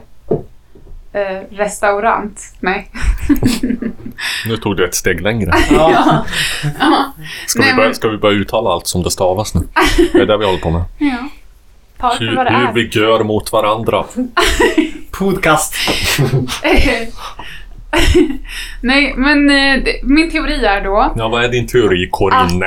eh, den som serverat maten och även ställer frågan om maten när den har inmundigats. Eh, Medans den i mungas medan den är- är i mun. det också, är ett sorts sändebud till den som har lagat maten. Det är sant. Ehm, mellan den som har lagat maten och den som ska äta den så är den som serverar ett sändebud. Och det har redan gjorts en kompromiss här från, eh, jag, jag säger servitören nu, jag, jag är på männens sida. Ehm, servitörens sida Bra, vi behöver det. som, som är att jag tror att frågan smakade det bra är mycket vanligare än hur smakade det? Mm. Det är alltså en ledande fråga. Helt sant. Och det är en ledande fråga för att man inte vill inleda ett samtal om maten. Utan man vill ha svaret ja. Man är inte genuint intresserad av kundens eh, upplevelse av maten. Så att det är bara en fras Man är ungefär som... genuint intresserad, men man gör en kompromiss som är att du är mitt uppe i din mat, alltså ska jag inte störa dig med att Alltså ska försöka ha jag ett samtal kanske, om den här kanske maten. komma senare när du har ätit färdigt och inte Nej, har munfull. alltså ska jag låta dig få svara kort på det här. Därför ställer jag en ledande fråga. Men den där ledande frågan skulle ju också kunna vara ställd åt andra hållet, det vill säga smakade det illa? Ja. Eh, och den frågan ställs ju aldrig. Utan det är ju smakade det bra? Och då är frågan, den som besöker restaurangen, hur mycket eh, liksom artighetsmässig skyldighet har den gentemot restaurangen? Eh, Men så att du menar att det är ungefär som, eh, som frågan hur är läget och hur mår du påstås vara. Det vill säga att man egentligen inte vill ha ett ärligt svar. Ehm, det är ju då i stil med Mår du bra? Är det okej? Ja, alltså, Alltså- precis som att hur är läget har ju... Har ni märkt att hur är läget har ju rationaliserats ett steg längre till Mm. är det bra eller? Aha. Nej men skillnaden är att hur är läget? Där finns det utrymme för någon att svara fritt. Men är det bra eller? Ja. Där ja, det är en ja ju, nej-fråga. är det bra eller är det dåligt? Mm. Men Mm. en, en, en sak som jag har märkt att många frågar Är allt väl? Är allt bra? Det är samma sak. Det är också Ja, en men Allt är ju aldrig väl. Allt är ju Nej, väl. nej. Det Hur skulle, hur skulle allt kunna vara bra? Ja. Det sker ju aldrig någonsin att exakt allt är bra. Så den stora majoriteten är ju dåligt. Vi lever inte i Edens lustgård. Absolut. Men allt kan ju också eh, vara en kontext som gäller just i den här sekunden. Och just dig får vi väl säga. Just Ja men det är aldrig någonsin att så allt att bra allt... i din arbetsroll.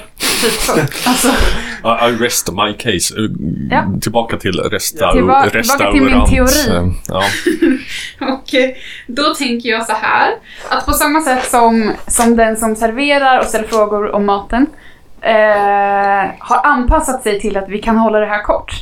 Eh, så kan också den som har ätit maten och har en åsikt om den eh, samarbeta och följa någon sorts kompromiss.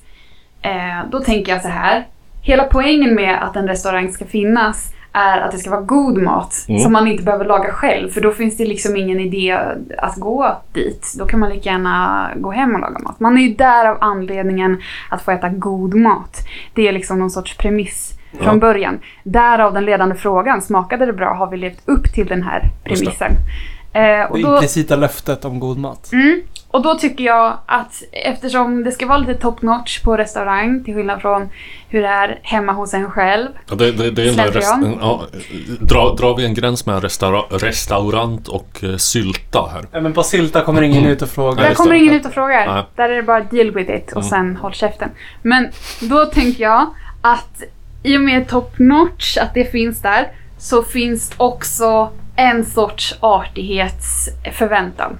Och På kunden. eh, då tycker jag så här, att istället för ja, jag vet inte, eller nej som svar på smakade det bra, så tycker jag man kan säga ja, det är alltså den lägsta, det, det Bra, var riktigt bra. fruktansvärt. Men just det där, Eh, det, det, det är Ja. det sämsta betyget. det där lätet liksom. Ja. Ja, ni, om ni ser framför er en hand som, Det är ett lite så här, ja, som vinkar eh, horisontellt. Ett Nej, vad säger man? ja, ett modulerat ja liksom. Mm. Ja, så att så här, ja okej. Mm. En, en hand med lite avslappnat spridda fingrar, varav Mm. tummen och lillfingret ligger på vågen. Mm. Ja, ni fattar. Vilket, vilket ofta ackompanjeras av lätet.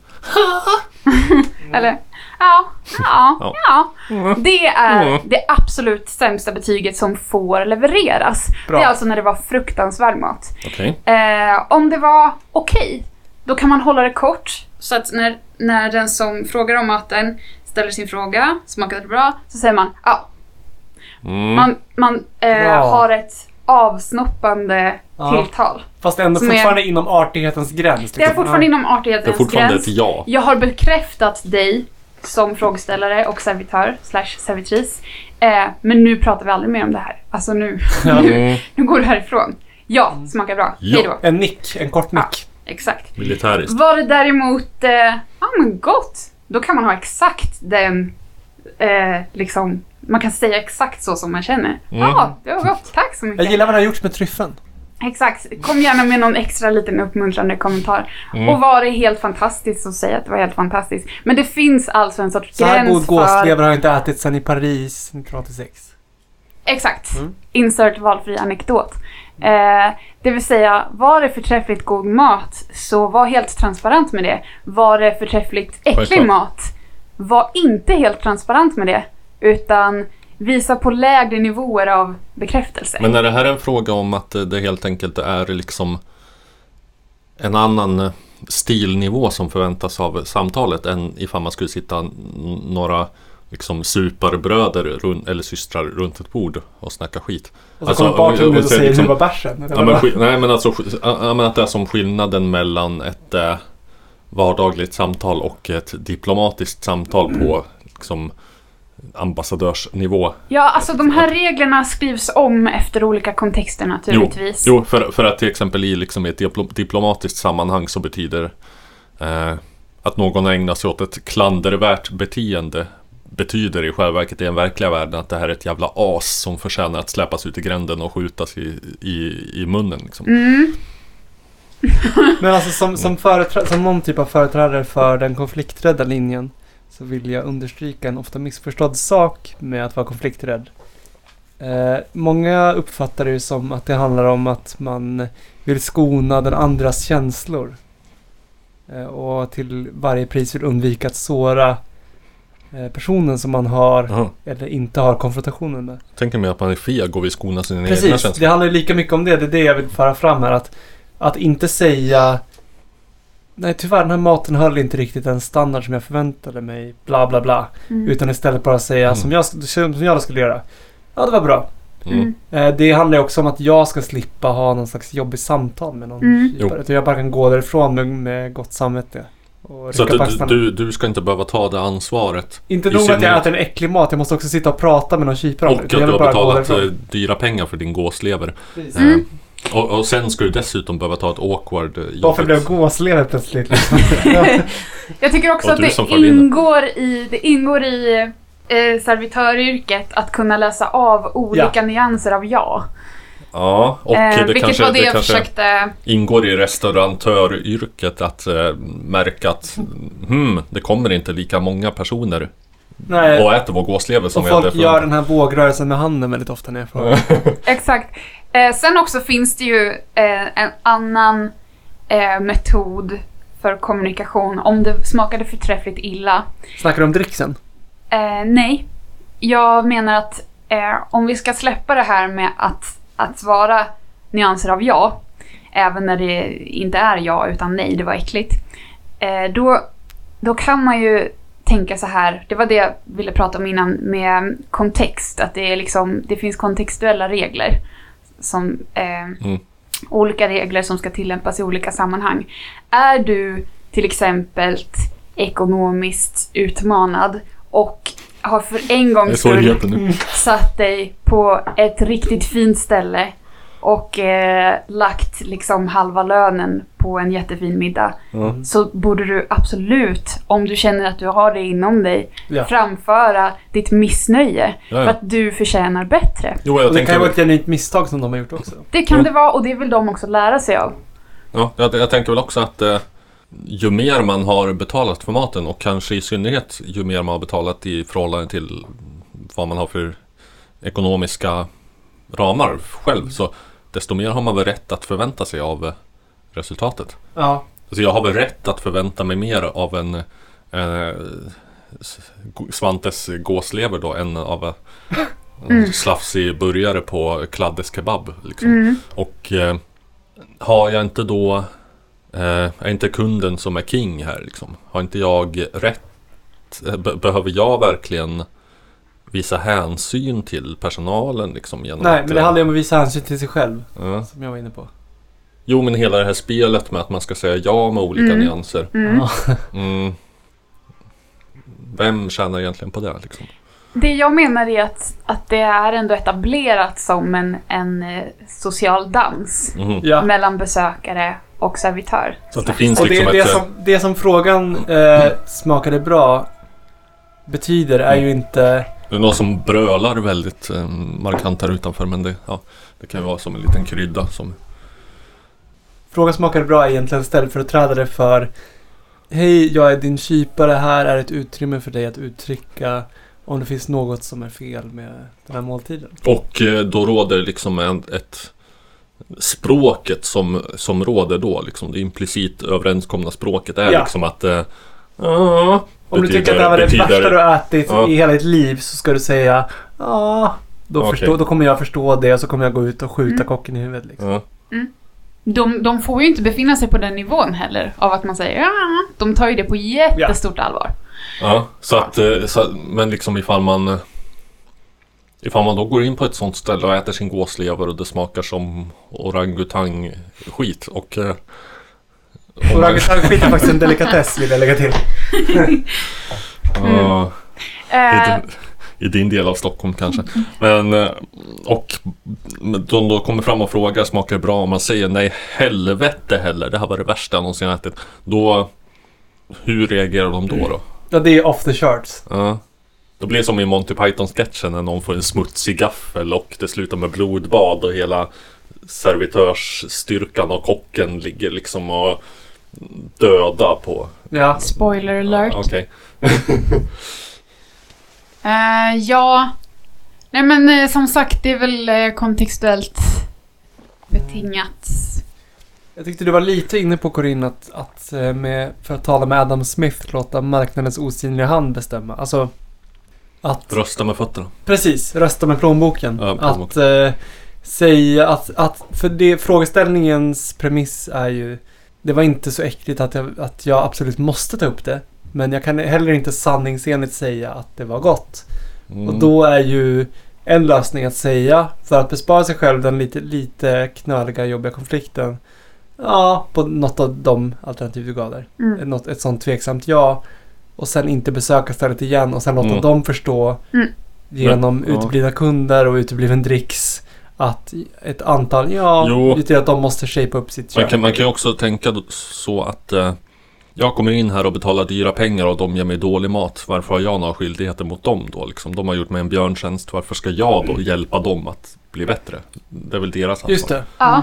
Men det är också så att i och med att de ställer en ledande fråga så blir man ju nästan lite påtvingad att säga ja. Det är svårt att säga nej. Eh, och som Svante var inne på innan så säger man kanske också ja för sin egen bekvämlighet. Det är bekvämare att svara ja på en ledande fråga. Ja. Men Eh. som poddens Token Aspi igen så vill jag ju liksom säga att för mig betyder ja alltid bokstavligen ja. Även om du uttalar ja. Så att eh, ifall någon frågar mig smakar det bra. Eh, och jag svarar ja trots att jag inte tyckte att det smakar bra så Oavsett tonfall så, så anser jag mig själv för en lögnare då och eh, lögnare är inget jag vill vara. Och lögn är inget jag tycker är okej.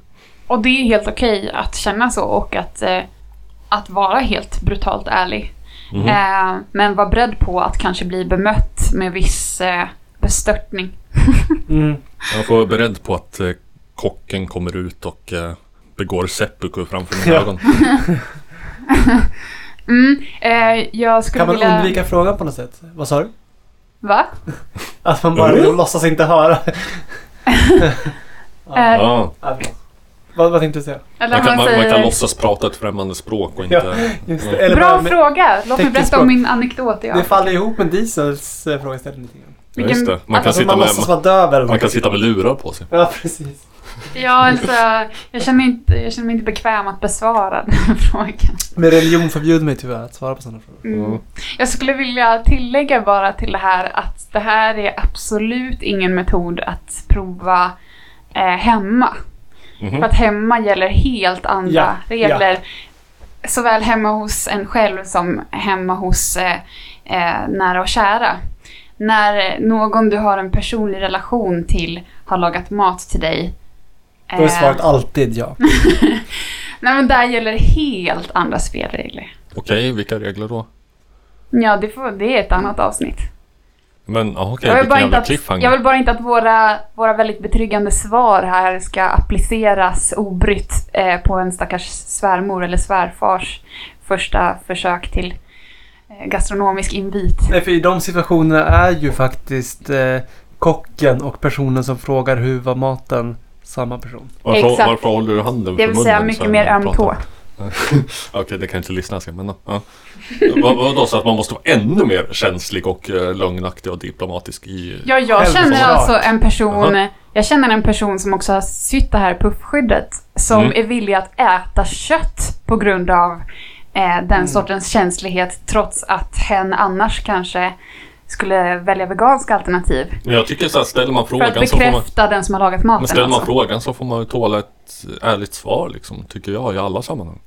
Det finns mer konsekvenser i den sortens möte eftersom det är en relation som kontinuerligt utvecklas. Mm. Eh, till skillnad från någon man träffar en eller ett par gånger. Det, det, det, det, då är, man det, besöker är, en restaurang den jobbar på. det här är varför jag hatar att inte alla är autister. Att man så här, ställer man en fråga så vill man ha ett ärligt svar och då ska man stå ut med det vilket den är. Fast jag skulle vilja balansera lite för att jag tror att i den där typen av interaktioner hemma när någon har lagat mat i sitt Mm. hem och man äter det. Mm. Så ställs ju sällan frågan utan då är det snarare så här att då finns det förväntan, Mm. någon typ av förväntan att eh, man efter maten ska säga vad gott det var eller Tack under så matens mycket, gång. vad gott det var. Ja, Tack så mycket, vad gott Och det då- var. då Det tycker jag man kan betyder- bjussa på även om det inte var så gott. men då betyder ett uteblivet eh, vad gott Ja det precis, var. då är det ju snarare Att det. inte- Exakt. Ja, ja. Och det kan Ja, man ju göra om det verkligen var fruktansvärt men ja. ja, tveksamt. Jag tycker inte man ska lägga så himla mycket prestige i att laga god mat. Ifall jag bjuder folk på mat och det inte var gott så, och de säger det så låter väl inte jag det färga av sig på min självkänsla. Liksom. Men i, i, ja, ifall, ifall det är så himla viktigt så får man se till att laga god mat. Då. Ja, men en del personer vill väl men lyckas inte. Och då kanske det är viktigare att visa dem att jag förstår att tanken var god. Ja. Eh, dessvärre Men var inte maten god. Men då kan man låtsas som att maten och tanken är detsamma. ja. Mm. Eller så kanske man hjälp, kan man hjälpa dem Mamma. att uppnå bättre resultat nästa gång de Mm. försöker. Genom att vara ärlig. Och eh, ge konstruktiv kritik. Konstruktiv. Hur konstruktiv kritik? Ja, men alltså, Eh, ja, ja metoden är kanske, att kanske inte bara säga "Mm, ja det smakar skit utan eh, Ja det hade nog varit bättre om det hade haft lite mera oregano eller Mm. Eller lite mera att mängd mat ett, per... ett uttal som eh, avviker från normen. Vilket vi gillar. Mm. Mm. Eller så säger man ingenting och sen nästa gång personen lagar mat så säger man Du, ska vi inte testa med lite mer oregano den här gången? Mm. Mm. Och är det en väldigt eh, pricey restaurang som ofta har väldigt små mängder mat för väldigt höga priser. Mm. Då, kan, då kan man kanske hitta någon sorts kompromiss där. Att så här, det här var inte så gott men det var i alla fall inte så mycket. Så Mm. ingen kritik att leverera. Så det hade varit jobbigt om det var inte så gott och jättemycket. Precis, det är som det skämtet som Woody Allen berättar i början av Manhattan. eh, han pratar om eh, två äldre kvinnor på ett så här eh, judiskt sommarläger i USA. Eh, som sitter och pratar med varandra vid maten och så säger den ena så här. "Ja, maten här är ju helt fruktansvärd. Och så säger den andra. "Eh, Ja, och det är så små portioner också. och då säger Woody Allen att det är ungefär som han ser på livet. Att så här, det är så fruktansvärt, det är mycket lidande och förnedring. Och, Och det är så kom- kort också. Ja, Fast det, ju mindre portion är desto mer har man ju betalat per, per gram. Liksom. Så att, eh, ja, jag vet inte vart jag skulle komma med det. Men det är ju en dyrare mat. Liksom. ja, Mm, och därför mera bittert att... eh, exakt. De hade rätt ändå. Det går inte att intellektualisera över det här. Det Ja, går bara herregud. att, Ja. att göra skämt av. Men, Men, har, vi, har vi ett svar till Lasse? Mer än ett som vanligt. Mm. mm, kan vi sammanfatta vår hållning i tre ord? Jag, jag, nej, det, jag, jag vet inte. Jag kan väl säga så här att eh, även när jag förfäktar ärlighet i alla läger, lägen så, så kan jag ha viss förståelse för att eh, det råder olika stilnivåer och att eh, ärlighet eventuellt kan vara att säga ja när man menar det smakar helvetes jävel. Precis, för man befinner sig i en situation där, Där, det där finns en... ja, betyder helvetes Ja, och jävel. det Ja. kan man räkna med att en kompetent servitör känner till. Mm. Verkligen. Verkligen. Eh, så att jag kan eventuellt godkänna det som eh, Oj, oj, oj. ärligt svar. Eh, ifall det är liksom Det råder en överenskommelse om att ja, i det här fallet betyder något annat än ja. Kort svar på Lasses fråga. Handgest och ja. Absolut. Men det säger vi varsågod. eh, ja, Okej, jag lägger mig där. Varsågod. Varsågod.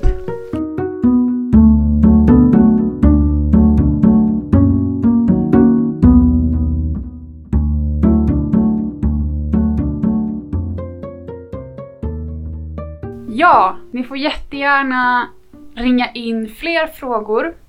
Ni kan även mejla till hvamv.googlegroups.com. Ni kan också kommentera på vår Facebook-sida. Eh, Det går bra att skicka privata meddelanden eller meddelanden på våran vägg och skapa terror. Terror? Ja, eller diskussion. Herregud. Eh, vad kan vi göra mer, Robert? Eh, ja, vi kan förtydliga att numret man ringer är 0760 843317.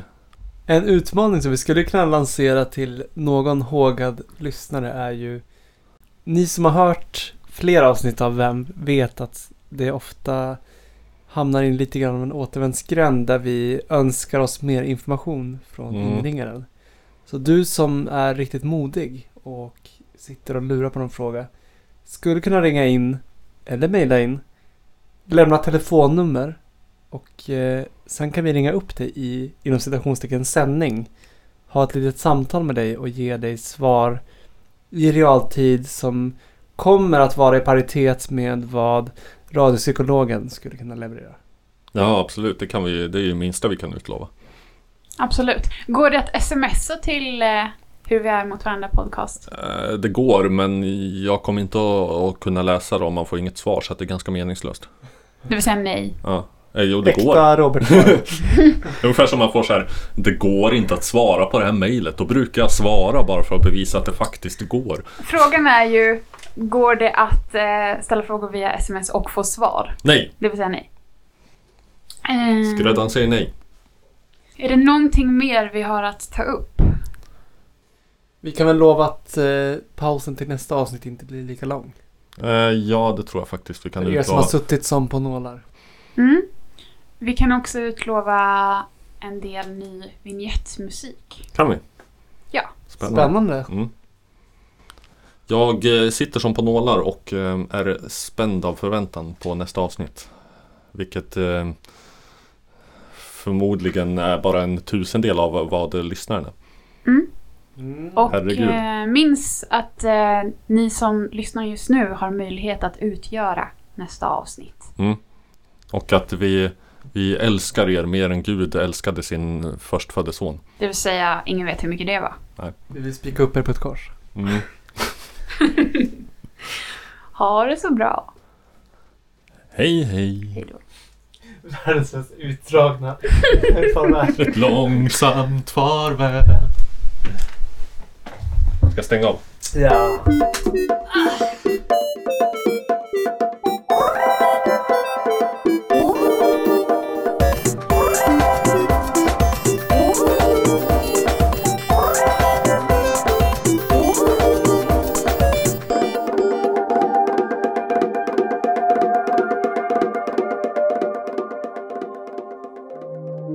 Jag har, tänkt, jag har tänkt på en grej med eh, Svante. Du har ett, ett speciellt skickat förkortat namn till sin första stavelse.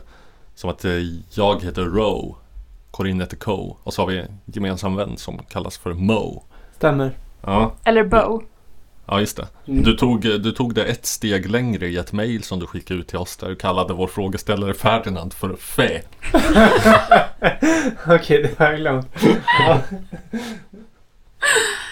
Hur reagerade du på det? Var det, var det ett steg för långt eller? Ja, jag tänkte, fan här går väl gränsen. Nu går väl ändå skam på torra land. Snart kan vi göra en egen eh, skala, det vill säga La Di Fe. Alltså Lasse Diesel och Ferdinand. Ja, Mm. Do, Då är det re, mi, ja. Eller om, fe, om Svante istället hette Konrad så sol, kunde, vi, di. så kunde vi kalla oss för RKK. Just det, som Mm. vi var inne på. Ja, Just det. absolut. Row och Coco. Ja. Men vi kan väl... eh, Jag vet inte. Det, det, det här avsnittet tillägnar vi ändå Magdalena Ribbing. Eller som hon i de här sammanhangen heter. Ma. Eller R-ordet. Mm. Ja. Det här är till dig Ma. Ja. Re. Okej, R.I.P. Ma. rip in peace.